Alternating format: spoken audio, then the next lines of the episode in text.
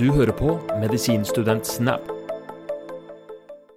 Velkommen til eh, Legepodden. I dag er det altså Lise Grøndal som er dagens gjest. Og du jobber på eh, akuttpsykiatrisk på Ullevål, Ja. der jeg også har jobba inntil nylig, og er overlege. ja. Kan vi begynne med bare å spørre litt om hvordan din eh, eh, karriere har eh, startet og vært på midten og havnet på akuttpsykiatrisk, liksom? Hvordan, eh, hvor var det du studerte? Jeg studerte ved Universitetet i Bergen. Jeg begynte rett etter jeg var ferdig på videregående. Og gjorde meg ferdig med turnus på Vestlandet. Nemlig. Og etter det, hva hvor, Eller hvordan syns du det var, egentlig? Var det, eh, hvilket år var det du gikk ut? 1987. Så, ok. Så hvordan var det å være en medisinstudent i Bergen på 80-tallet? Det var vått. um, nei, det var et ganske tradisjonelt akademisk løp. hvor Vi hadde preklinikk og klinikk, og så delte vi oss i et julekull og et påskekull. Så Det Jeg har- høres ut som det er akkurat sånn som det er jeg nå. tror ikke det har forandret seg så veldig mye i Bergen. Nei. Var det, Visste du hva, du vil, hva slags lege du ville bli under studiet? Nei, det var en lang vandring, faktisk. Jeg var ferdig på studiet, og så jobbet jeg som kommunelege en sommer. Tenkte kanskje jeg var interessert i samfunnsmedisin. Ja, og så, så dro jeg til USA og tok et, et år med sånn public health. Altså det går jo på samfunnsmedisin i Boston, på Harvard School of Public Health. Hvordan kom du inn på det? Hvordan jeg fysisk kom inn på skolen, Ja, eller eller, hvordan- hvordan kom jeg på ideen? Hvordan kom du på ideen å um, jeg har en amerikansk mor, så jeg er tospråklig og tokulturell, så det har vel noe med saken å gjøre. Og så har jeg en god kollega og venninne som hadde vært på University of California, Berkeley, og tatt en Master Public Health-grad som hun syntes var helt topp, så hun begynte å sende meg brosjyrer om alle disse forskjellige skolene i USA. Så da søkte jeg på det å komme inn. Det var en av disse jeg søkte på Harvard, og så husker jeg gikk og spurte om referanser og tenkte det var altfor vanskelig å komme inn. Og så var det en av professorene som sa Lise, du må bare søke. tenkte jeg ja, ja, hvis han tenker jeg kan bare søke, så gjorde jeg det. Og så sendte jeg anbefalingsbrev, så kom jeg inn. Og jeg var veldig overrasket over at jeg kom inn, for jeg tenkte jeg var liksom bare en vanlig student. Um, så det var en sånn Oi, det var litt morsomt. Ja, for det, har, det var på Harvard? Det var på altså Harvard, ja. det- eliteskolen over Ja, alle det var eliteskoler? det. det var det. Jeg kom fra Universitetet i Bergen, og jeg hadde ikke noen sånn kometkarakterer. Jeg hadde gode karakterer, men ikke noe sånn summa cum laude i alt. Fy søren. Hvordan var det å gå på Harvard, da? Um, altså det som er morsomt med amerikanske toppuniversitet, er at det er et ekstremt høyt fagnivå. Det er masse smarte folk. Og det som er eh, ikke så morsomt, er at det er mye konkurranse og ikke så lett å vise at man ikke kan noe. Men jeg syns jo det var veldig spennende å flytte til Boston. Boston er en helt fantastisk by. Og så jobbet, eh, bodde jeg på et sånt international house. Og da traff jeg leger fra hele verden, så jeg har fått venner som jeg fortsatt har kontakt med fra Australia og Sveits og Sør-Afrika og overalt. Så det var et veldig spennende år. Så alle på det kullet var ferdig utdanna lege? Ja. Wow. Ja, Fins det studiet fortsatt? ja da. Kjempespennende. Så det er bare å søke det? Og... Det er bare å søke. Wow. Så eh, hva er det man lærer på den der studiet i public health? Man lærer, altså Basalfagene er epidemiologi, biostatistikk, um, occupational health and safety, altså det som går på yrkesmedisin. Og så kunne man velge en hovedretning, da. Så jeg jeg var veldig sånn fram og tilbake hva jeg ønsket. Så jeg begynte med tropical public health. Jeg tenkte jeg skulle jobbe i et u-land, men så fant jeg til slutt ut at jeg ville ikke det. Så begynte jeg å um, Hadde jeg en lærer som, eller en professor som eh, jeg skrev en oppgave for et eller annet sånn eh, om uh, the psychiatry and public health. Og så skrev jeg en oppgave, og så sa han Lise du burde bli psykiater. Og så sa jeg nei, nei, nei, nei, det har jeg ikke lyst til. Jo da, men hvis du tenker at du ikke har lyst, så kanskje du skulle tenke mer på det, sa han. Så han var jo faktisk viktig i at jeg bestemte meg for å bli psykiater. Så spennende. Ja. Nå er det litt sånn der knitrelyder, hører du det? det er, eh, jeg tror det er noen av ledningene som driver og Sånn, ja. Så i public health-året så velger du hovedretning som er eh, inn mot psykiatri, og der, uten at du vet det selv, så merker de rundt deg at dette her er noe du burde drive med. Ja, det var flere som sa noe om det. Hvordan men var det Fordi du var så interessert i det, eller ble så engasjert av det? Eller hva var det som Og hvorfor skjønte du ikke sjæl? Ja, det er vel et godt spørsmål. Det har vel noe med Forsvaret å gjøre, tenker jeg. Um, det hadde vel noe med kvaliteten på det Jeg leverte jo en del skriftlige arbeider.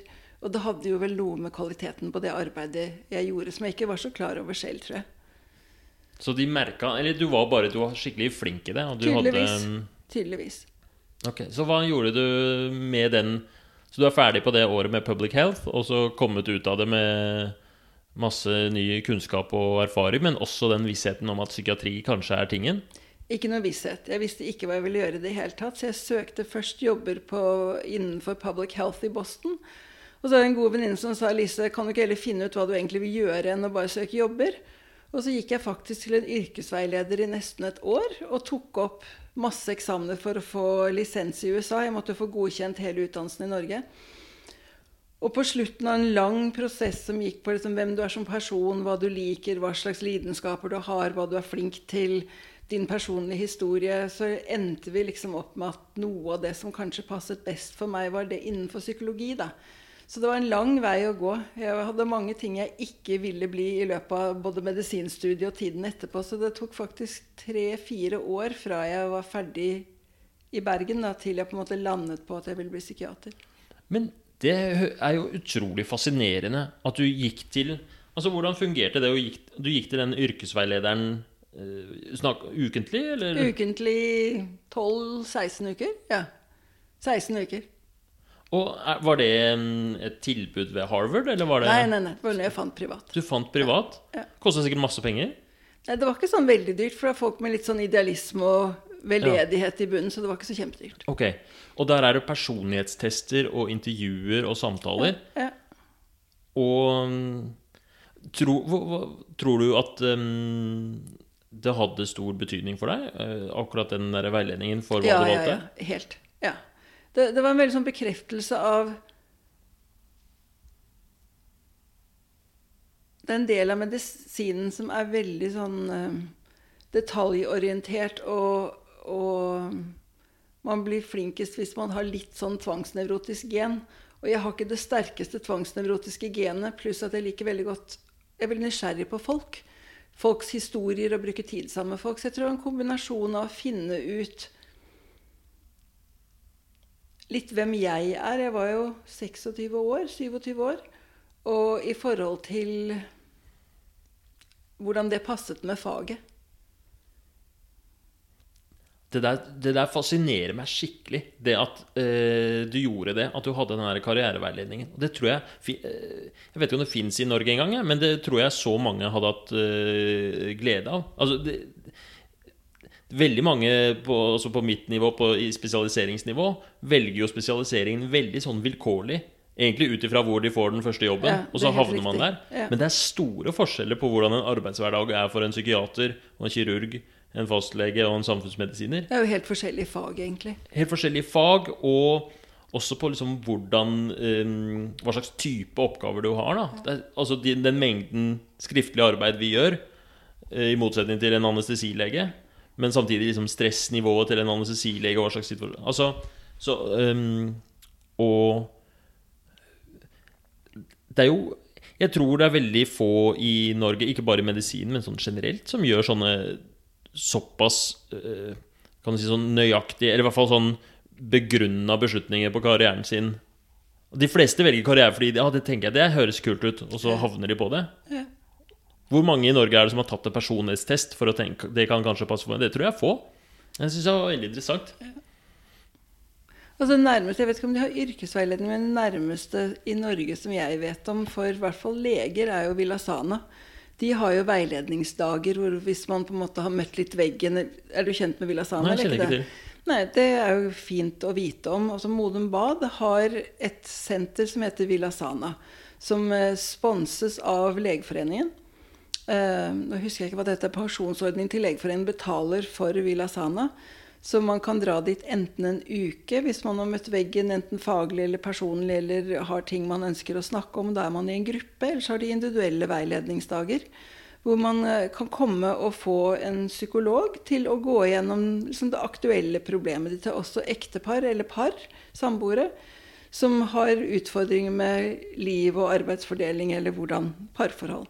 Så, så det er en kjemperessurs for leger. Det er viktig at Og det er kun for leger? Kun for leger. Det er jo fantastisk. Det er sponset av Legeforeningen sin pensjonsordning. Hvordan er det man, Må man bare ta kontakt, da? Med, Man tar kontakt, Du kan se på nettet på Modum Bad Villa Sana, og så ligger det oversikt over tilbudet der. Og det er et veldig bra tilbud. Hører dere utbrente leger der ute? Her er det bare å ta seg en uke på, på spa. Med, Ut, utbrenthet er en av de tingene Ja. som de snakker mye om. Ja. ja. Har du vært utbrent noen gang? Nei, ikke fra jobben. Jeg har et funksjonshemmet barn som har vært ganske krevende, men jobben syns jeg ofte Fordi jeg syns jeg trives så godt med faget, så er jobben vitaliserende for meg. Det har det alltid vært. Ja.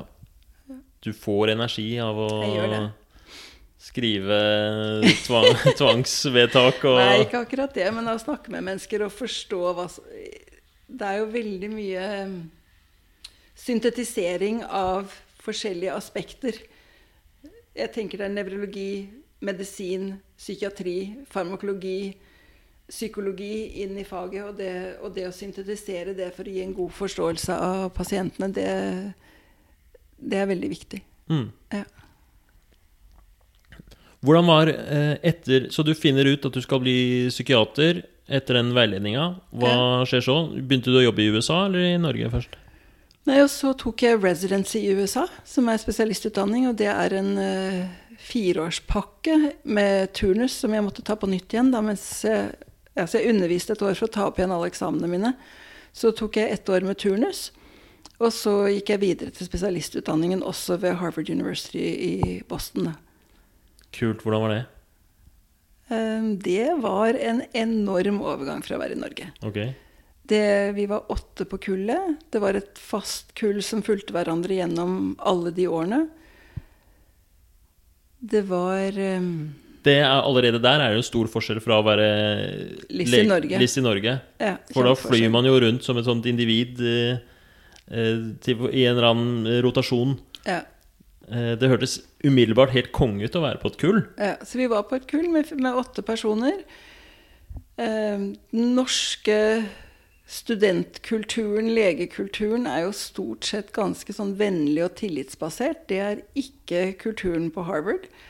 Folk er utpreget konkurransemennesker. På det programmet som jeg var på, var alle vennlige, men under overflaten av vennligheten så var det veldig mye spisse albuer.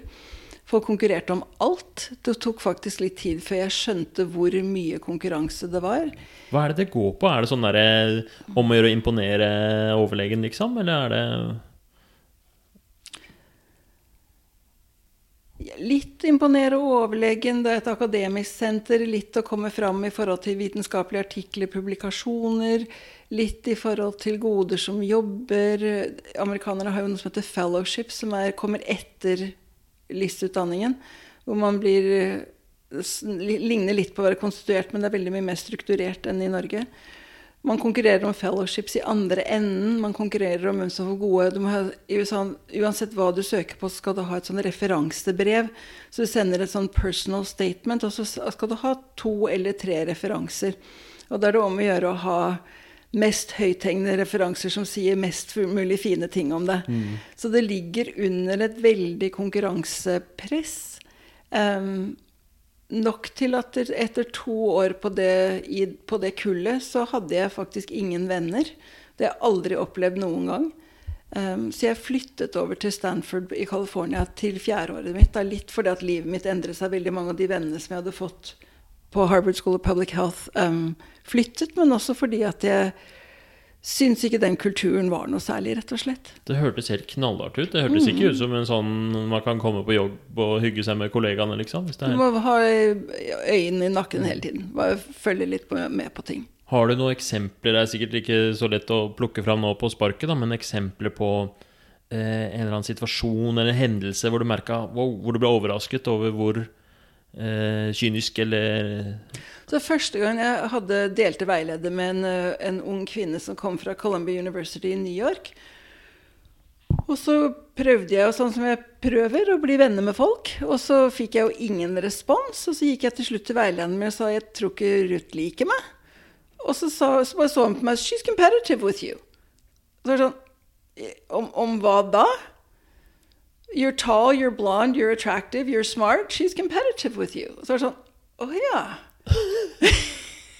Jøss, ja, det er helt fjernt. Jeg skjønner ikke. Så, så i Norge er jo den holdningen fjernt. Det sies jo også fra medisinstudier, f.eks. i USA eller fra doktorgradsstudiene, at folk ødelegger eh, eksperimentene til hverandre, de river opp notatene til hverandre. Så det er en ganske annen kultur, da.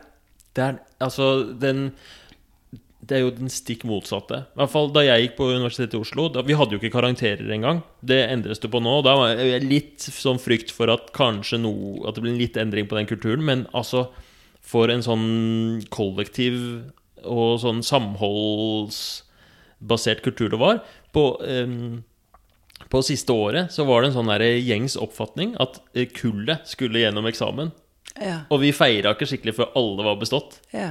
Det er jo absolutt motsatt. Det er helt motsatt. Men det var så fint og motiverende, og det Ja.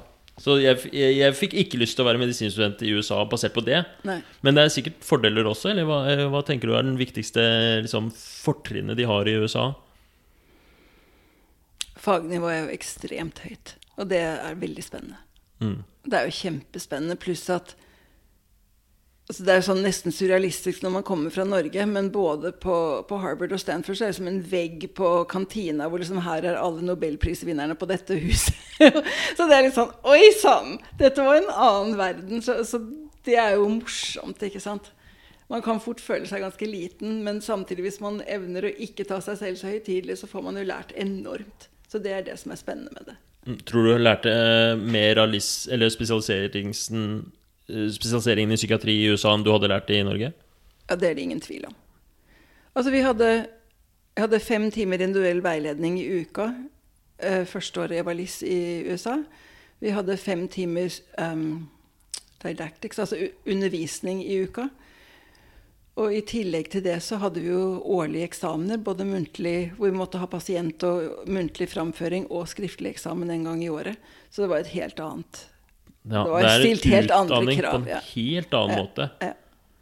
Vi fikk en sånn uh, oversikt over hva vi skulle lære. Vi hadde forelesninger fem timer i uka med, med oversikt over Nesten sånn som på studiet, bare at det fortsatte på neste nivå. Neste uke skal vi lese om lære om Freud sine hovedverker, og så har vi professor som kommer inn og lærer oss om Freud, og så leser vi tre eller fire kasuistikker av Freud og diskuterer de som et ledd i utdanningen vår. Da. Så, det var en Og da var det det kullet på åtte som Ja. var i de forelesningene?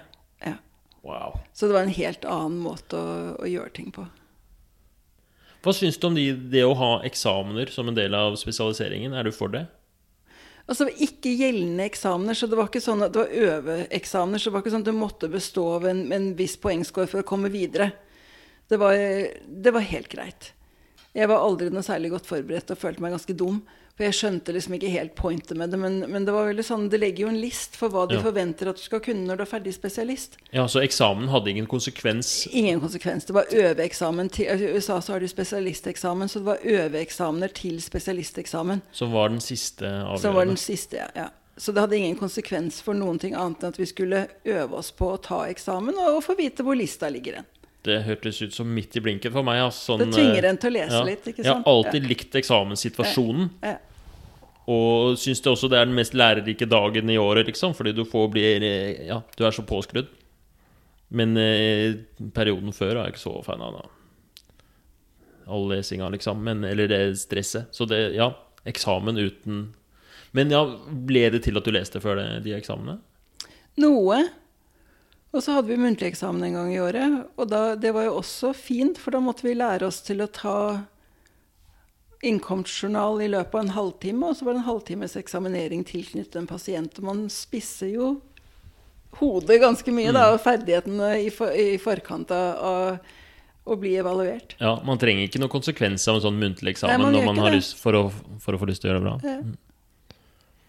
Ok, og etter du er ferdig spesialist, Hva, hva har du jobba med da?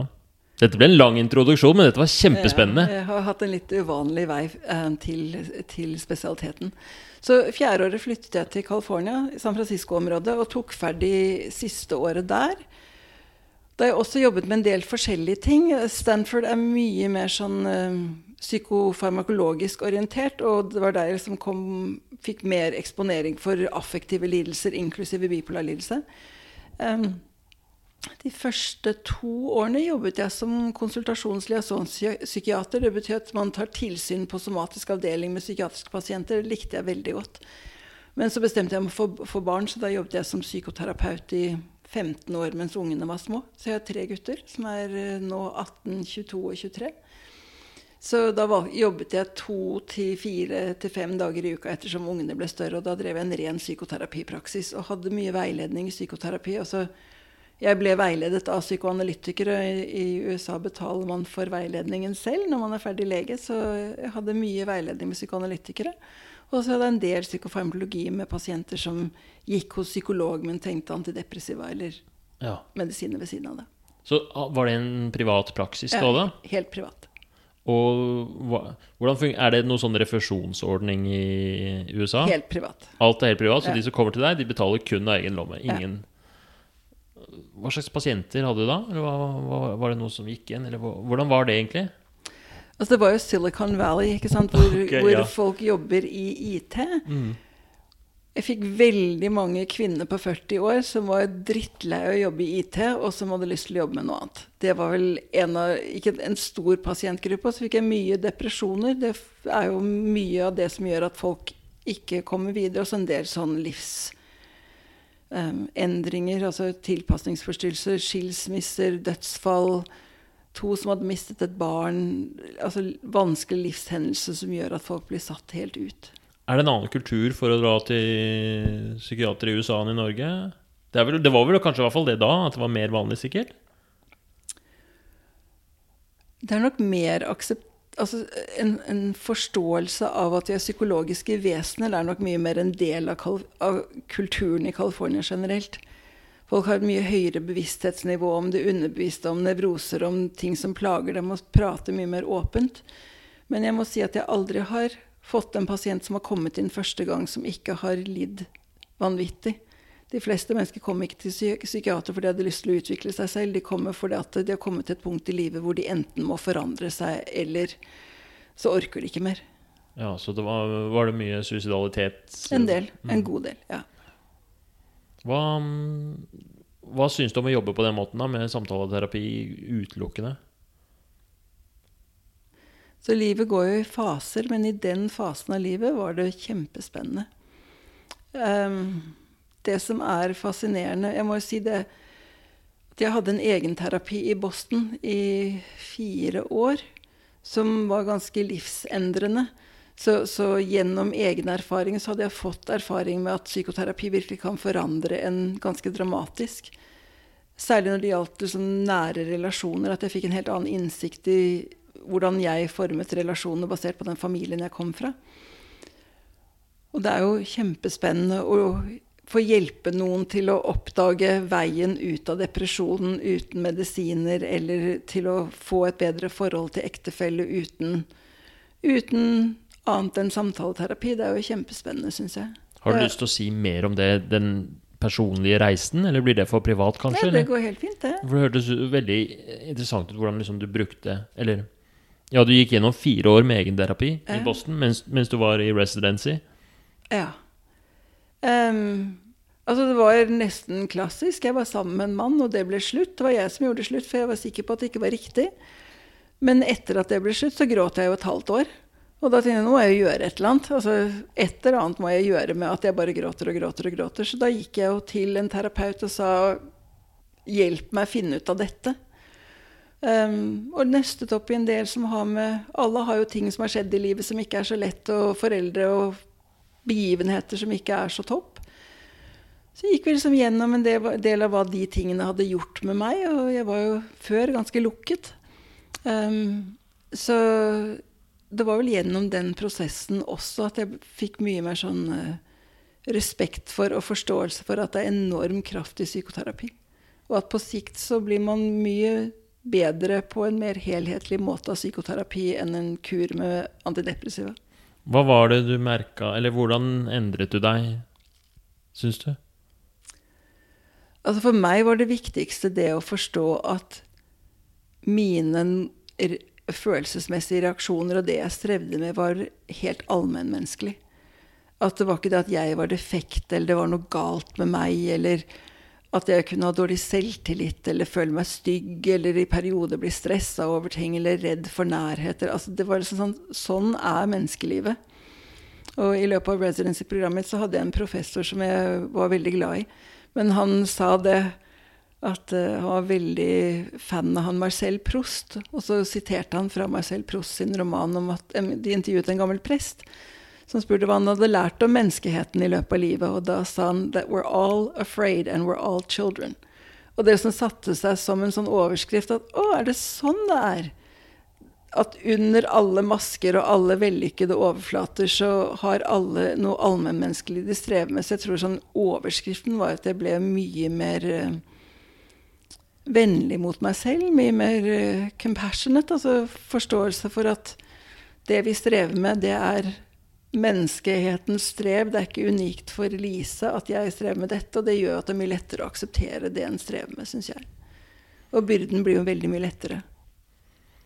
Hvor viktig tror du det er for en psykiater å ha gått gjennom en sånn prosess, eller øh, å ha mm, slitt med noe, eller å ha kanskje vært deprimert, eller å ha liksom i hvert fall eh, Ja, hatt en sånn kanskje litt sånn smertefull endringsprosess da, i livet? Jeg tror det er kilden til empati og respekt for den andre. Det tror jeg. Så hvis uh, en, en, en, psykiater bør ikke være for lykkelig? Nei, det er fint at vi har det bra. Man må jo også ha ressurser til å gi. ikke sant? Hvis man har det veldig vanskelig, så er det jo ikke noe Det har jo vært perioder i livet mitt jeg hadde jeg har et veldig krevende barn med Asperger. Og i perioder så har jeg valgt å ikke jobbe klinisk fordi jeg måtte ha kapasitet til det. Så, så, det er jo perioder i livet hvor livet er krevende nok på privatfronten at det er lurt å ikke ha så tungt arbeid. Og så er det andre perioder. Det å drive med psykoterapi er jo tungt. Det å drive med akuttpsykiatri er tungt. Det er tunge skjebner folk har. Så, så, det er viktig å kjenne seg selv godt nok til å vite hva er bra for meg nå. I perioder er det kanskje greit å ha en administrativ stilling, og andre perioder en klinisk stilling. Hvis du skal rangere de forskjellige psykiaterjobbene fra tyngst til lettest, liksom eh, Det blir jeg veldig nysgjerrig på, i hvert fall. Det er selvfølgelig en umulig oppgave, men etter din oppfatning? Alt som har med direkte pasientkontakt, er jo kontakt med lidelse. Enten det er innenfor nevrosespekteret, hvor folk har hatt vanskelige liv, enten det er traumer eller vanskelig barndom eller russpekteret, og innenfor psykosespekteret er jo smerten ved å ha alvorlig sinnslidelse er jo enorm. Så jo mer uh, tunge pasienter, jo mer må man være forberedt på at dette her kan påvirke deg og kan være belastende? Jeg tenker, jeg tenker alle, all nær pasientkontakt er forbundet med å, å være nær lidelse. Tenker du det i større grad for psykiatri enn for andre legespesialiteter? Nå har jeg ingen annen legespesialitet selv, da. Men den store forskjellen er jo at vi snakker med folk om det, mens det er veldig mange i allmennmedisin som kommer inn med gastritt eller sure oppstøt, hvor man ikke snakker med dem om familiestress eller overgrep eller ting. Så, så, i andre grener av medisinen så går man kanskje ikke i dypet, da, for det er ofte fordi det er stort tidspress også. Ja, vi kunne jo snakket i år og dag om dette, men jeg har lyst til å skifte litt tema, fordi jeg vet at du har jobbet mye med bipolar lidelse. Ja. Og mm, jeg har jo vært, vi har jobbet litt sammen mens uh, da du kom på til akuttpsykiatrisk, og jeg var der som LIS. Og da var det veldig tydelig at um, det hadde du peiling på, da. Håndtere uh, bipolar lidelse. Så Kan du først si i, uh, litt mer om liksom, din bakgrunn med bipolar lidelse? Hvordan du kom inn på det, og i, i hvilke sammenhenger du har jobba med det før? Altså Stanford er jo et av sentrene for affektive lidelser i USA. Så bare ved å være tilknyttet det universitetet, så hadde jeg jo mye eksponering, særlig til psykofarmakologi, men også en del sånn håndtering over tid. Og når jeg flyttet til Norge, så jobbet jeg først på Modum Bad og poliklinikk, og så jeg, begynte jeg på Lier. Og det var først når jeg kom på Lier sykehus at jeg skjønte hvor mye jeg kunne om bipolar lidelse i forhold til de fleste av kollegaene mine. Um, og det som gjør at jeg brenner for pasienter med bipolar lidelse, det er den sykdommen innenfor de alvorlige sinnslidende, hvor det å ha høy kompetanse og gjøre en god jobb kan gjøre forskjellen for om noen har et nesten helt normalt liv, eller et liv med inn og ut på sykehus i sykdom hele tiden. Og det er faktisk ofte et spørsmål om å hjelpe pasienten til å forstå lidelsen sin og ta medisinene sine. Så, så, der kommer vår kompetanse inn på en helt særlig måte. Ja, for hvis en, en gitt person med bipolar lidelse, manisk depressiv, svinger mellom eh, dype depresjoner og manier Hvis den personen får skikkelig god behandling, så kan du få tilnærmet normalt liv. Hvis, for, for, de fleste. For de fleste. Mens eh, hvis det skorter lite grann, så kan det gå skikkelig dårlig og bli helt eh, katastrofalt. Ja. Kan du fortelle om noen sånne um, eksempler, historier, på både hvor det har gått bra, eller hvor det har gått dårlig, eller um, Kanskje det, blir kanskje vanskelig med tanke på um, taushetsplikt og sånn, men, men, kan du liksom skissere for et sånn typisk forløp som er litt uheldig, og hvor det går utfor, liksom? Altså jeg, kan, jeg hadde en av mine første pasienter på Lier, det var når jeg hadde vakt. Så kom det inn en mann, 40-50 år, som hadde bipolar 1-lidelse og mye alkohol, depresjoner, vansker med jobb, fungerte dårlig. Og så gikk jeg inn i journalen og så på hvordan han hadde blitt behandlet. Han klassisk bipolar 1 med fulle manier og depresjoner. Og den eneste behandlingen han hadde fått, var han stått på Cyprexa i 20 år og lagt på seg 40 kilo og fått forhøyet kolesterol. Og det er jo nesten malpraksis. Så det var den første gangen jeg tenkte jøye meg, stakkars menneske. Um, Hva skulle han ha fått i stedet? Litium. Mm. Ja. For det har du lært meg. Litium um, Eller det er vel ganske sånn allmenn oppfatning, men det var veldig interessant hvordan du så krystallklart sa har du bipolar lidelse, så er litium den beste medisinen. Ja.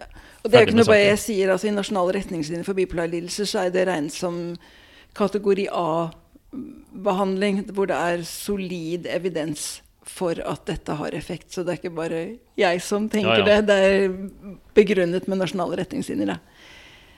Og så kan jeg fortelle et eksempel som hvor Da skal jeg prøve å anonymisere det så godt jeg kan. Men jeg fikk meldt en pasient som unnvikende personlighetsforstyrrelse etter at hun hadde forsøkt å ta livet sitt. Og så kom hun inn på posten, og så hadde hun en sånn angst at jeg tenkte dette kan ikke være unnvikende personlighetsforstyrrelse. Og for å gjøre en veldig lang historie kort, dette var en dame som hadde mer enn 30 innleggelser de siste årene. Og innlagt ca. 6-7 ganger i året på ti år. Um, og når vi var ferdige, endte opp med å tenke at hun hadde en dysforisk mani, altså at hun var både deprimert og agitert samtidig. Hun fikk ECT og Leponex og har vært ute av sykehuset i fem år. Så det er klart, Da ser man at man går fra et liv med seks til syv innleggelser av én til to måneder på et år, til ingen innleggelse på fem år, basert på veldig mye min psykofarmakologiske og diagnostiske kunnskap. Og ikke for å skryte, det er veldig sånn unorsk å si at man kan noe, men men, men, det blir en så enorm forskjell for det mennesket det gjelder. ikke sant? Og de har jo ingen mulighet for å vite at de ikke er så syke at de ikke skal inn og ut av sykehus. ikke sant? Men når, når det skorter på den måten, og der er det diagnostiseringa først og fremst som slo feil, da, at hun gikk i mange altså i årevis med mange innleggelser, og så ble det gjort feil diagnostisk vurdering. Hun fikk feil diagnose. Ja, altså Det var jo også manglende kontinuitet. Hun, altså Jeg gikk gjennom journalen hennes, da var det sånn én lege på DPS som hvert tredje år skrev 'hun har bipolar lidelse'. Og så ble det liksom borte i kålen. Så, så, så, så, det er jo noe med manglende kontinuitet i behandlingen. da. Og så brukte jeg Leponex på henne, og det er jo ikke det mest vanlige å bruke på bipolar lidelse, så det er noe med at ingen hadde prøvd det før. Og det hadde helt uvanlig god effekt for henne. Ja, Leponex det er den sterkeste, mest effektfulle antipsykotikaen. Ja, og med ganske betydelige bivirkninger. Ja. Eller for noen, da. Ja. Bivirkningen av den, det er eh, at du får Den viktigste er det at du kan få en, en neutropeni. Ja. Ok, eh, det, var, det, var, bra. Jeg blir alltid nervøs når, du, når vi skal snakke om farmakologi, fordi du har en tendens til å grille meg. Så, men det, det du skal få slippe det, i dag. Det skal jeg ikke gjøre nå. Men hva tenker du når Fordi Hvis vi går inn på diagnostisering av bipolar lidelse, da. Hvorfor er det vanskelig? Hva er det som gjør at uh, folk bommer på det? Hovedgrunnen til at folk bommer, tror jeg er at det er en longitudinell lidelse, og ikke en tvers, tverrsnittslidelse. Så det øyeblikksbildet du ser når pasienten kommer inn og er deprimert, det er ikke hele sykehistorien. Så du og jeg jobbet jo litt med å lage et livsdiagram. Hvordan har dette menneskets stemningsepisoder vært fra de var barn? Ungdomsskole. Veldig ofte debuterer det med depresjon på videregående. Det er som en klassisk En eller annen gang ungdomsskole videregående har man hatt en eller annen depresjon. Også i vanlige tilfeller hvor man ikke tenker over det ikke er familiehistorie, så blir man gående med et par depresjoner, og så er det en eller annen fastlege som tenker denne personen skal ha antidepressiva. Og så får de antidepressiva, og så smeller de over en manisk episode ganske, på ganske kort tid. Det er liksom ett av de vanligste forløpene. Det har jeg sett en gang. En pasient på innlagt fikk FX-ord, og det tok timer fra første tabletten til han begynte å øh, synge og danse. Ja. Det var helt utrolig. Ja. Så det, det, er den største fallgruben, er å ikke ta en livshistorie. Det tar litt lengre tid, men, men det er gull verdt, hvert fall hvis man jobber på poliklinikk, eller ja, særlig på poliklinikker. Det er jo fort gjort å bite, gå i baret på det, tror jeg, fordi eh, pasienten selv er jo ikke så opptatt av det store bildet. Fordi, fordi du, om du har en mani eller i hvert fall hvis du har en alvorlig depresjon, så er jo det først og fremst Det, aktuelle, det aktuelle er jo så utrolig smertefullt og så utrolig påtrengende at uh, historikken føles nesten uh, uh, uviktig i forhold, på en måte. Så det er ikke sånn um, Det vil ikke være så lett for, for um, pasienten i en eh, dyp depresjon og anerkjenne at den har vært høyt stemningsleie før, f.eks.? Eller er det, er det riktig? Jeg er inne på noe? Det er helt riktig. De har også gjort studier som viser at eh, pasienter husker fra affekttilstand til affekttilstand. Så når de er deprimerte, så husker de bare hvordan de har vært i depresjonene tidligere. Og når de er maniske, så husker de bare det maniske før. Så det er et eller annet med koblingen i hjernen som gjør at man ikke husker fra mani til depresjon og tilbake. Nemlig. Ja. Det er fordi eh, hukommelsen virker på en eller annen merkelig måte. Ja. Så du, ja. kan huske, du, kan huske, hendelser, du kan huske samtaler, men du kan ikke huske hvilken følelse du hadde. Det samme, jeg tror ikke, man, Temperatur også kan man ikke huske. Man klarer ikke å huske at det var kaldt, på en måte. Det vet jeg ikke nå. Ja, ja, no, men prøv det, da. Husk en gang du var kald, liksom. Du, det er veldig vanskelig å liksom, sette seg inn i. Det er sikkert litt det samme. Ok, så Men poenget her er at bipolar lidelse er en Eh, den diagnosen setter du kun ved å ha et sånt livs... Eh, en tidslinjeperspektiv. Longitudinell sykdom. Et tverrsnitt er veldig vanskelig å, å diagnostisere. Det er det. Um, er det nok å spørre bare sånn uh, Har du hatt noen episoder med Eller i hvert fall, det spør jeg jo alltid om hvis det er noen som er deprimert. Har du hatt episoder med høyt stemningsleie? Men går du mer grundig til verks? Det er noe som heter hva heter det? Hypomania checklist pleier jeg å bruke. Det er en sånn sjekkliste hvor man går gjennom 32 forskjellige spørsmål om manisymptomer. Men de viktigste er jo har du hatt perioder med økt energi, økt stemningsleie og mindre søvn. Hvis du får de tre, så kan du begynne å spørre om andre ting. Men de hovedtingene Og da sier mange jeg hadde en periode hvor jeg ikke sov på to uker og begynte å pusse opp hele leiligheten min. Det er et sånn typisk mye energi, godt humør og sove lite. Ok. Um, hva med det Jeg opplever mange, både pasienter og litt sånn uh, bekjente eller folk man møter på i, her og der, som har en idé om at de kanskje har litt bipolar lidelse. Er det, um, opplever du det også, at det er ganske vanskelig sånn i befolkningen å ha et inntrykk at bipolar lidelse er eh, kanskje noe annet enn det det er? Eller Altså, Stemningssvingninger er jo normalt litt avhengig av hva slags temperament man har, altså lynne. Men, men eh, det som er definisjonen på bipolar lidelse, er at du må ha to stemningsepisoder. Enten en mani, to manier eller en mani og en depresjon for å få en bipolar diagnose. Og så må det være ledsaget av et funksjonsfall. Det må vare over en uke hver episode, og så må det være et funksjonsfall. Så en hypomani kan man bare ha det topp, men en depresjon eller en mani, så, så er det ledsaget av funksjonsfall. Og det er en ganske viktig forskjell mellom de som går i jobb og har en dårlig dag og tenker at det svinger veldig. Og så er det noen som har mer svingende stemningsleie, og andre er mer stabile. Det er jo sånn hva slags lydene man har. Men bipolar lidelse er jo noe helt annet, for det går utover funksjon. Veit man noe om hva som skjer i hjernen til en Altså, er det ren og skjær eh, biokjemi i hjernen, liksom, som, som setter eh, i gang disse stemningssvingningene? Som med alt annet er det jo en predisposisjon for bipolar lidelse, og så er det veldig ofte et utløsende.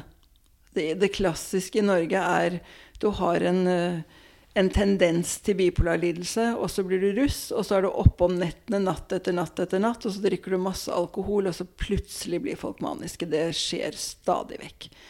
Og da er det jo en bipolar predisposisjon eller tendens kombinert med noe utløsende, at man ikke sover mange netter på rad, og at man ruser seg. Så det er, det er en kombinasjon av de to. Men det er en helt klart biologisk sårbarhet. Og så er det mye man kan gjøre for å å redusere den sårbarheten. Hvis man er nøye med døgnrytme, nøye med å ikke ruse seg, stå opp til samme tid hver dag, um, ta medisiner, så er det mange som klarer å leve ganske normale liv. Men de fleste med, litt, som er dårlige med bipolar lidelse, må være ganske nøye med hvordan de lever. Hvis du skulle um, kjapt nå Hvis vi så for oss du kunne liksom lære bort noen få kjappe ting om bipolar lidelse til Eh, til liksom den normale lege i Norge? Hva er liksom de viktigste kanskje misforståelsene eller ting som kan gjøres litt bedre?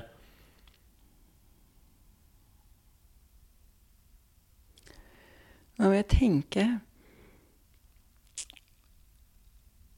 altså Hvis du tenker på allmennlegen i Norge, så ville det vært å tatt en nøyere anamnese når man startet folk på antidepressiva. Det tror jeg er den ene tingen man kan gjøre som virkelig kan gjøre en forskjell. fordi det er en god del av de depresjonene som er bipolar lidelse. Og hvis man bruker antidepressiva hos bipolare pasienter, så kan man få overgang til blandede affektive episoder. Altså For man få både depresjon og mani samtidig, og det er mye høyere dødelighet og mye verre å behandle. Og det er noe leger på en måte påfører pasientene ved å gi dem antidepressiva. Så det å være forsiktig at man, at man screener bra nok for hypomani, så man ikke gir en bipolar pasient med depresjon antidepressiva uten, og, uten stemningsstabiliserende, det er vel det viktigste man kan gjøre som i førstelinjetjenesten. Så ha det, og det man skal spørre om i den analysen, er, er det noe som helst sånn hypomane episoder tidligere, eller noe litt sånn som gir... Ja, mer detaljert. Har du hatt perioder i livet ditt mm. hvor du har mye energi? hvor du har satt i gang store prosjekter, hvor du har brukt mer penger, hvor du har hatt uvanlig høyt stemningsleie, hvor folk rundt har kommentert at nå må du kanskje roe den litt. For å få Og også folk som er i parforhold, liker jeg også spørre partneren. Og hvis du får napp på noe av det, så er poenget at du ikke uten videre skal behandle med antidepressiva. Da må du eh, kanskje henvise til noe grundigere utredning, eller Jeg vil nok henvise DPS på, til utredning, ja. ja.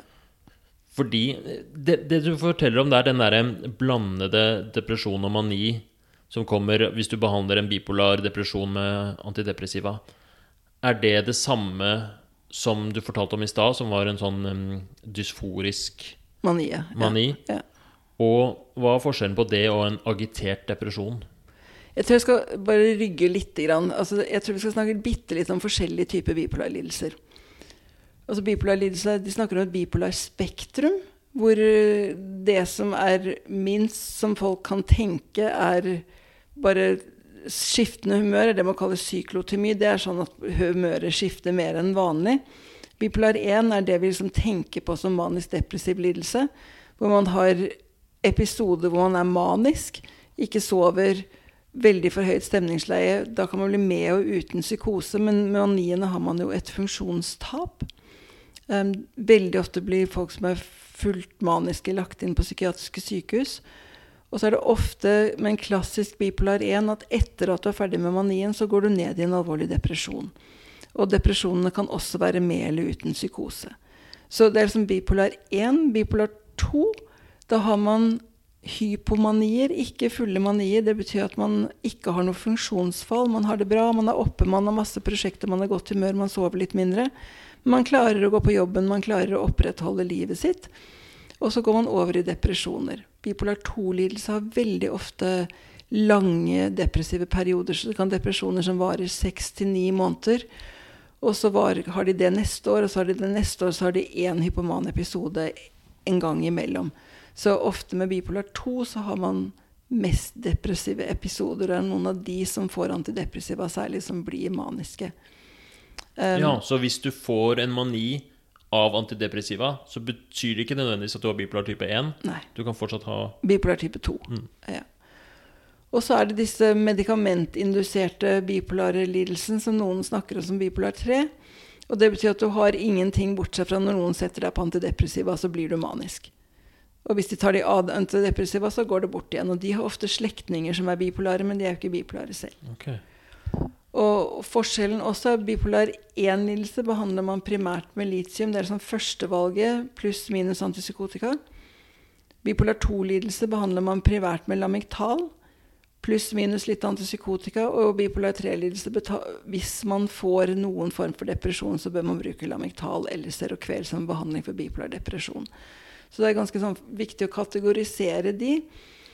I DSM-5, som er det amerikanske klassifikasjonssystemet, så har de en uh, modifier som de kaller uh, manic episodes, manic symptoms. Og da kan man vurdere når du har en depresjon, har du også maniske symptomer. Så, så det, de har på en måte trukket ut det som en egen diagnostisk kategori. Agitert depresjon er når du bare har depresjoner. Ikke sant? Dysforisk mani er når du har alle manisymptomene på agitasjon, uro, søvnløshet, motorisk uro og nedsatt stemningsleie oppå depresjonene. Mm. Men ja, fordi, men det der, akkurat de symptomene der kunne man vel hatt en agitert Eller det er ikke lett å skille en agitert depresjon fra det? Ikke i det hele tatt, men du har ikke hypomanien eller manien med en agitert depresjon. Ja, så, en agitert depresjon, så hvis du har en pasient som har agitert depresjon, og så hører du oi, han har hatt en mani tidligere, ja. da kaller du det da en uh, blandet episode? Eller en dysforisk? Ja, ja, mm. ja. Kan det være at agiterte depresjoner egentlig er At man bare ikke har funnet den der hypomanien i fortiden? Det, det, kan være. Ja. det, kan være. Det som, grunnen til at jeg er litt opptatt av akkurat de agiterte depresjonene eller, eller blandede affektive episoder, er at de har mye høyere suicidalitet enn de andre. Ja, De er Så, livsfarlige, de, de er tilstandene. Og, og bipolarliste er seks ganger så høy dødelighet som i gjennomsnittsbefolkningen. Så det er viktig å bare vite at folk når de er deprimerte i bipolar, bipolar depresjon, så er det en del av de som tar livet sitt.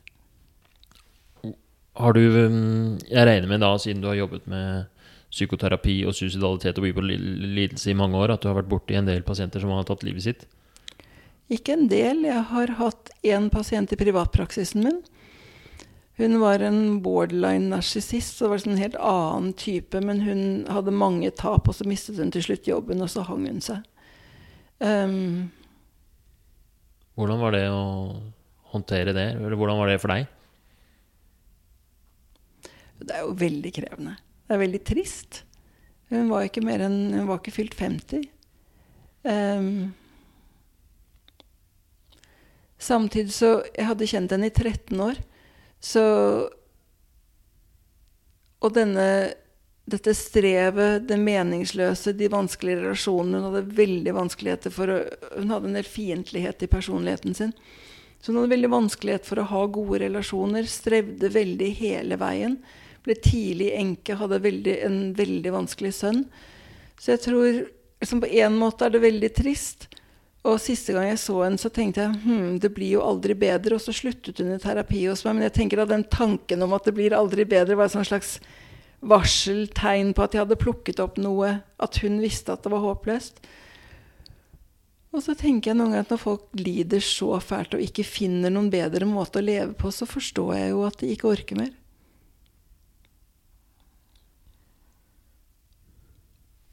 At det er um, Ja, at det på en måte gir litt mening, eller at det Er det en trøst, syns du?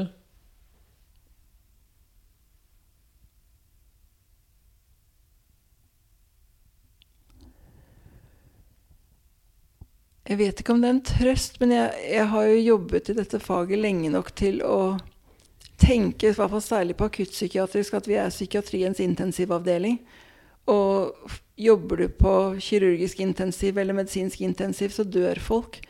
Og jeg tenker jo sånn i psykiatrien at det finnes terminale psykiatriske lidelser. At det er noen som ikke orker å leve mer. Så, eller er så syke psykiatrisk sett at de ikke orker å leve mer. Så så jeg tenker vel litt mer sånn filosofisk, men selvfølgelig det mennesket er jo et menneske jeg alltid husker. Jeg jobbet jo med henne i 13 år. Mm. Du hører på Medisinstudent Snap. For å gå litt tilbake til um, bipolar lidelse, så lurte jeg på om du kunne skissere hvordan liksom det perfekte opplegget er for en, uh, en bipolar pasient? Hvis vi skal lage en sånn uh, et slags ideal å strekke oss etter, da. Hvordan eh, Hva er typisk eh, for det første møtet med helsevesenet? Hva burde gjøres? Hva slags oppfølging burde de ha? Og hvilke, hvilke liksom riktige valg burde man gjøre underveis? Du kan gjerne bruke eksempler med sånn, sånn at vi De fleste bipolarpasienter begynner Det Spørsmål på hvilket nivå, ikke sant. De fleste bipolarpasienter blir jo ofte fanget opp via poliklinikk eller fastlege som blir henvist med spørsmål om eh, bipolar lidelse. Den andre store veien inn er at de får en manisk episode og blir lagt inn på sykehus, og så kommer ut for å få en mer nøye utredning. Så avhengig av hvilket nivå, men jeg tar poliklinikk, for der er liksom folk ikke så syke at du må forholde deg til at de er psykotiske, så er det ideelle at man tar en god anamnese. Jeg pleier å lage en livslinje, og på den livslinjen så pleier jeg å ta Når fikk du depresjon eller hypomani-mani? Eh, hvilke symptomer hadde du? Hvor lenge varte det? Og hva var den utløsende faktoren? Så f.eks. hvis noen kommer til meg og så sier de at uh, første gang jeg var deprimert, var det VG2. Jeg var deprimert et halvt år. Jeg lå bare i senga, og gikk på skolen og det som gikk rett forut for det, var at kjæresten min slo opp med meg. Det kan være en sånn ganske klassisk start på en bipolar lidelse. Det som er unormalt da i forhold til en vanlig depresjon, er jo at man mister funksjonen. ikke sant? De blir liggende hjemme uten å gå på skolen. Ja, fordi hvis du Mange kan bli deprimert på videregående mm. av å um, at, Det kan også utløses at kjæresten slår opp. Men det som er forskjellen, er at denne her personen klarer ikke å møte opp på skolen. Ja. Det er, sånn, det er alltid et sånn varseltegn. Og så ville jeg laget hele livslinjen. Hvor lenge varte det til neste gang? Jo, så det andre jeg alltid spør om, er rus. Var det fordi du brukte amfetaminer at du ble manisk? Um, og så vil jeg gå gjennom alle affektive episoder, manier, hypomanier og depresjoner gjennom La oss si du fikk den første når du var 17 år, da. Til du er 35 og kommer på poliklinikken. Så vil jeg gå gjennom alle de episodene. Rusbruk er veldig viktig, for det kan trigge særlig manier.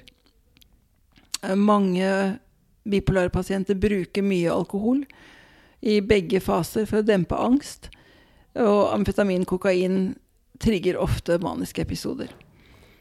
Um, så ville jeg gått gjennom den hypomania checklist etter jeg hadde laget den livslinjen, og fått kvantifisert hva er det vi snakker om? Er det, snakker vi om at du får litt mer sexlyst? Snakker vi om at du bruker prostituerte uten, uten noen form for kondomer? Hva slags grad av pengeforbruk? Er det sånn at du sitter igjen med to millioner i gjeld etter å ha kjøpt seks biler? Eller er det snakk om at du har brukt litt ekstra penger på butikken for å kjøpe sjokolade? Altså for å kvantifisere hva det er vi snakker om. Hypomania Checklist dekker det meste når det gjelder energi, søvn, um, høy aktivitet. Um, så jeg ville gått gjennom den. Så pleier jeg å gå gjennom MADRE, som er en depresjonsscore, for å se om de er deprimert altså når du faktisk har de på kontoret. For da får man liksom enten om de er hypomane eller um, Og så avhengig av det Jeg får alltid inn familiemedlemmer. Alltid inn familiehistorikk. Mange sier 'tanta mi var bipolar, men ingen andre i familien'.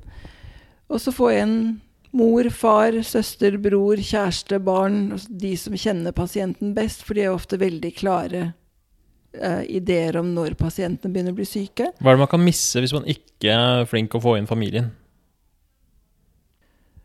Familien er eh, det objektive. Man kan miste hypomaniene. Jeg hadde en uh, jente jeg bodde sammen med i Boston, som ble hypoman med jevne mellomrom. Hun hadde det helt topp. Men vi fleipet med at nå kommer skoa i sengen og den høye musikken, for vi rota så vanvittig når hun var hypoman, pluss at musikken var sånn dundret gjennom hele huset. Og så kom hun med sånn åtte shoppingposer hver gang hun kom hjem. Hun gikk alltid på jobb, hun klarte alltid å fungere helt fint. Men, men vi som bodde sammen, så jo at shoppingposene begynte å komme inn. ikke sant? Det ser, jo ikke, det ser man jo ikke på kontoret. Ble hun deprimert etterpå, da? Eller? Ja. Nesten alltid. Så hvis man, får, hvis man, er kjent med det, og familien kan liksom fange opp akkurat det der du sier, altså nå, når shoppingposene begynner å komme, du merker det ikke sjøl, men mannen merker det, liksom, så kan man kanskje forebygge den depresjonen litt? Eller hva kan man gjøre? Altså Det viktigste når man har fanget opp en bipolar lidelse, er å begynne stemningsstabiliserende medisin. Så, så stemningsstabiliserende medisin, det vi har å spille på, det er stort sett litium for bipolar 1 og lamictal for bipolar 2.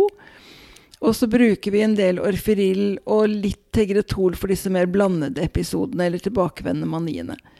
Um, så, så, det viktigste når du har en bipolar pasient, er å begynne stemningsstabiliserende medisin, og så man må behandle alt andre. Om det er mani, så må man ofte legge til antipsykotika. Hvis det er depresjon, så må man legge, er det noen andre antipsykotika som hjelper på det. Men det viktigste er å få i gang stemningsstabiliserende medisin, for da slutter disse svingningene etter hvert. Fordi, jeg, jeg, Hvordan er det litiumen Hvordan oppleves det å gå på litium? Du burde jo sikkert spørre en som går på det, da, men, eh, men hva er det, er det Blir man eh, flatere, på en måte? Endrer man personlighet? Hvordan Det varierer veldig fra person til person. Noen, Jeg hadde en pasient i USA som sto på det i 20 år uten noen problemer og var verken manisk eller deprimert i 20 år. Så hun var kjempefornøyd. Og så har jeg andre som ikke tåler tørsten, ikke tåler tremor, føler at de blir sløve. Hadde en pasient i USA som var skuespiller. Han følte han ikke klarte å få kontakt med følelsene sine nok til å gjøre en god jobb som skuespiller. Og så for å fortsette en optimal behandling, så, så det viktigste, syns jeg, når du som har fått diagnostisert og behandlet med stemningsstabiliserende, er psykoedukasjon. Det er ganske kommet mange gode psykoedukative kurs i Norge. Og da går man gjennom hva er bipolar lidelse. Det er ofte grupper.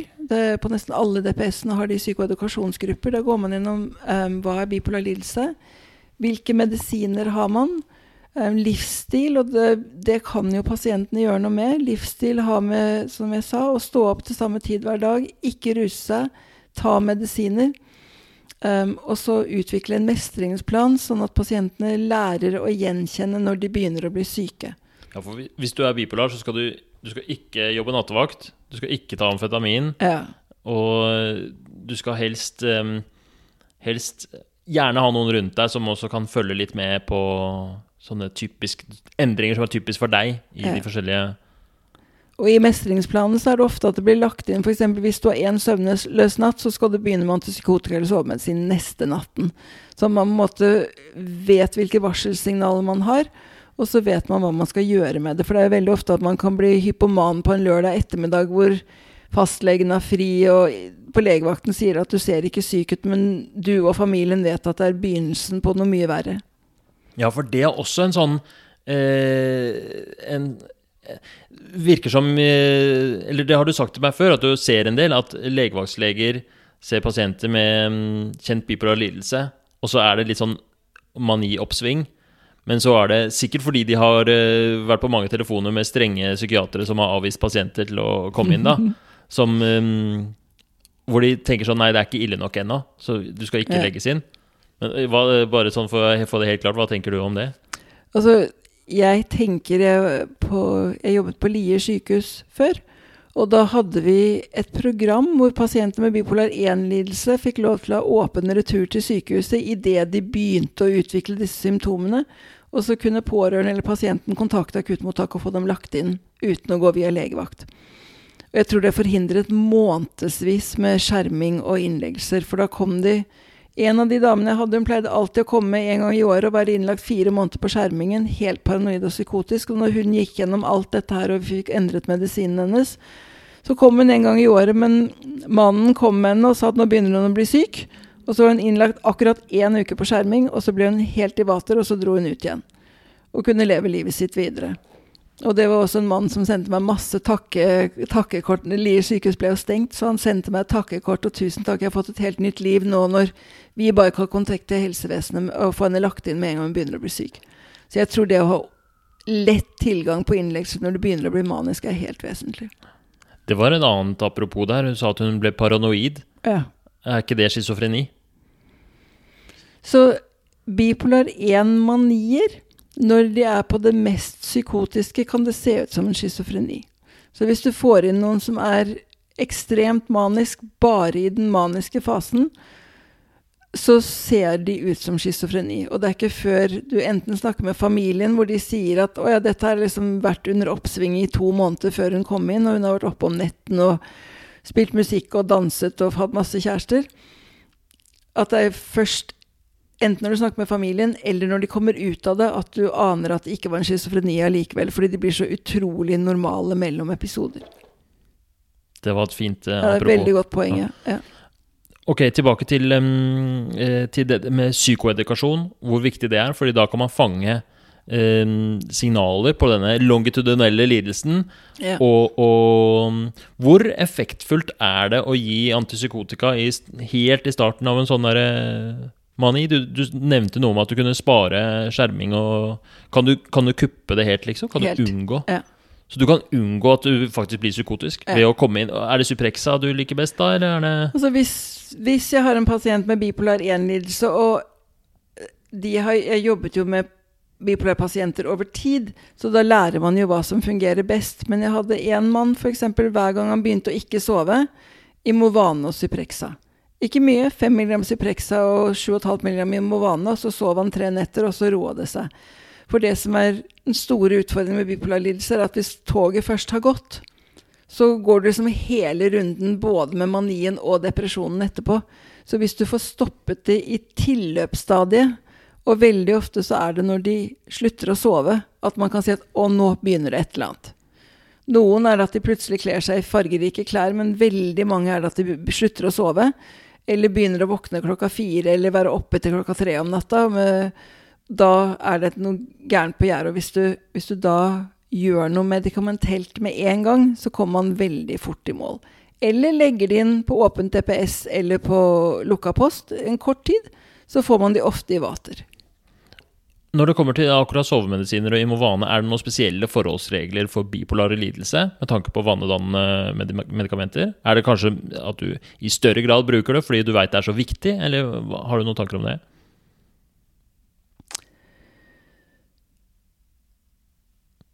Nei, jeg bruker det når folk trenger det. Jeg er, ikke så bekymret for avhengighet av det, for min erfaring med bipolare pasienter er at alkohol er noe av det verste. Så, så folk har veldig lett for å bruke mye alkohol. Um, jeg har nesten ikke vært borti noen som har vært hekta på benzodiazepiner. Hva, hva er det som er sammenhengen mellom bipolar og Jeg vet alkohol? ikke. Vet ikke. Men det er noe du ser, at det er en sånn Ja. derre Det har vel noe med angst og noe med depresjon. Det er jo mange som drikker når de er deprimerte. Så, men jeg, det, det kan jeg dessverre ikke nok om. Men du vet i hvert fall at eh, bipolar lidelse, det er det mange som har Eller det er større grad av uh, alkohol. Alkoholmisbruk, ja. Ja. ja. Og er det verre å ha alkoholmisbruk hvis du er bipolar? ja. Altså, jeg må si at all, alle studier, alt viser at en hjerne som har alvorlig sinnslidelse, ikke har godt av rusmidler.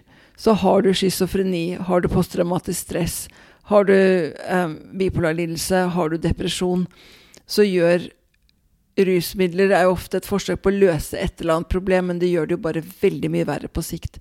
Så hvis du er deprimert og bruker amfetamin eller kokain for å bli bedre humør, så hjelper jo det akkurat da. Men du blir jo dobbelt så deprimert når du er ferdig med, med rusen.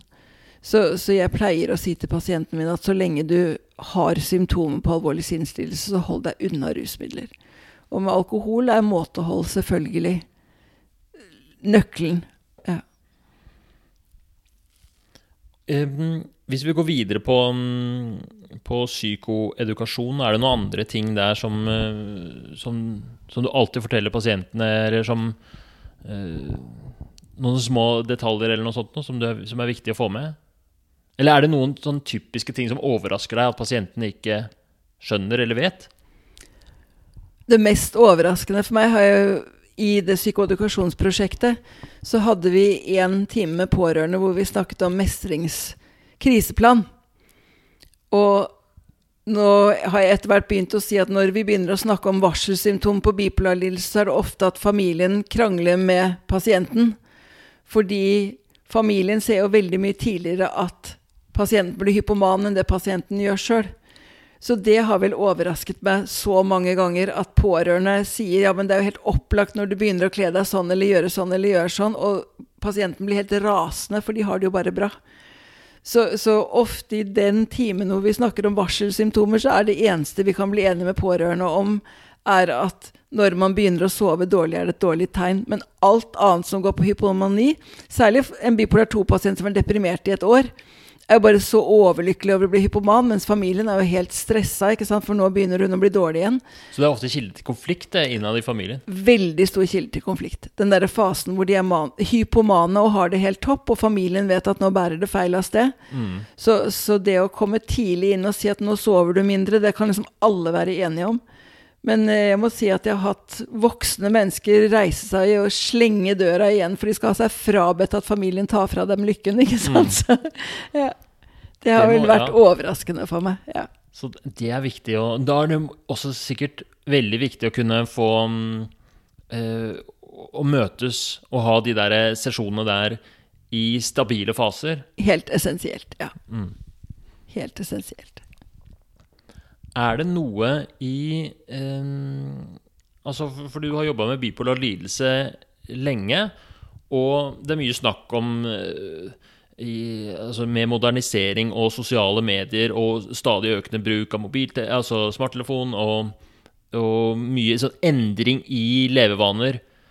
Særlig hos, øh, hos øh, altså de, de, som vokser opp med sosiale medier nå. Er det noen aspekter ved det som er spesielt viktig for bipolar lidelse? Altså, det er gjort mye studier på det med lys på netthinnen sent på kvelden, og, og at det kan være manidrivende. Så, så, det med blålysfilter Det er jo en del som bruker oransje briller når de begynner å bli hypomane. Så, så dette med en bevissthet om hva lys gjør på netthinnen altså Fra naturen sin side så skal det bli mørkt om kvelden. Og pasienter med bipolar lidelse er uvanlig vare for lys.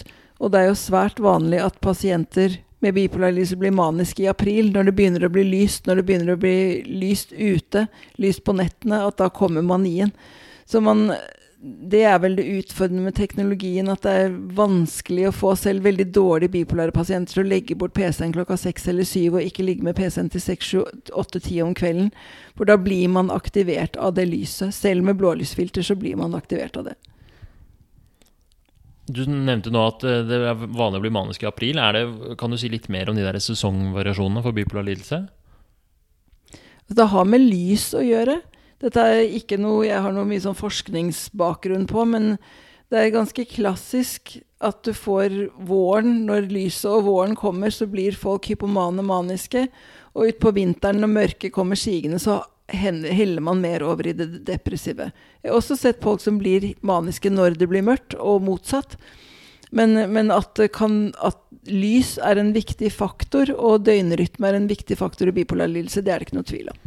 Hvor, hvor, ofte bruker du, eller anbefaler du de der eh, oransje solbrillene da, for å beskytte litt eh, eller til pasienter? Altså, jeg har ikke så mye erfaring med det, men de bruker det faktisk på skjermet avdeling på St. Olavs hospital, så det er brukt mer sånn mainstream i, i, i Norge. Men jeg har ikke så mye erfaring med det. Til slutt, bare sånn det, Er det noen eh, Er det noen sånne pasienthistorier eller erfaringer sånn konkrete med, med bipolar lidelse som du har lyst til å nevne til slutt, eller som kan liksom belyse noen siste poenger? Altså, noe jeg ikke har nevnt, er at noen av menneskehetens mest kreative personer har jo vært bipolare. Det gjelder Hendel, det gjelder van Gogh. altså Det er veldig mange av disse navnene som vi kjenner igjen umiddelbart, som har hatt bipolar lidelse. Så det er jo noe av det som er fascinerende med å jobbe med denne pasientgruppen, at de har alvorlig sinnslidelse, og så har de ofte uvanlige begavelser innenfor andre områder når de enten er friske, men også når de er syke.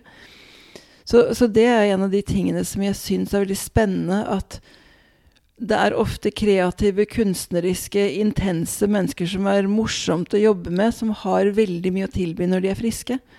Så, så det syns jeg er utrolig spennende hvordan vi er koblet sammen i hjernen, at kreativitet og bipolaritet ofte henger sammen på et eller annet vis. Da. Så det er vel de Det er ikke noen enkelthistorier, men man, nå husker jeg ikke alle jo, Marilyn Monroe altså Det er så mange av disse her som har vært bipolare. Og mange av de har jo også suicidert, ikke sant. Mm. Så, så, det er noe av det jeg syns er spennende, å hjelpe folk til å på en måte kunne være friske nok til å bruke begavelsen sin, da. Ja, fordi det er, det er, en, sånn, det er en kobling mellom kreativitet og det mørke, liksom. Ja, eller bipolaritet. Mm, så det er mer det at det svinger enn ja. ja. Altså Hendels Messias sier det ble skrevet i en manisk fase når Hendel var manisk. Så da skrev han jo ett i tre uker. Så, så det er jo fascinerende, rett og slett. Tusen takk for at du stilte til intervju. Det har vært kjempelærerikt. Syns i hvert fall jeg. Tusen takk. Og eh, alle som eh, hører på, ha en fin dag videre. Takk for nå. Vi er Medisinstudentsnap. Følg oss på Instagram. Der har vi quiz hver dag og mye annen medisinsk moro. Ha det bra!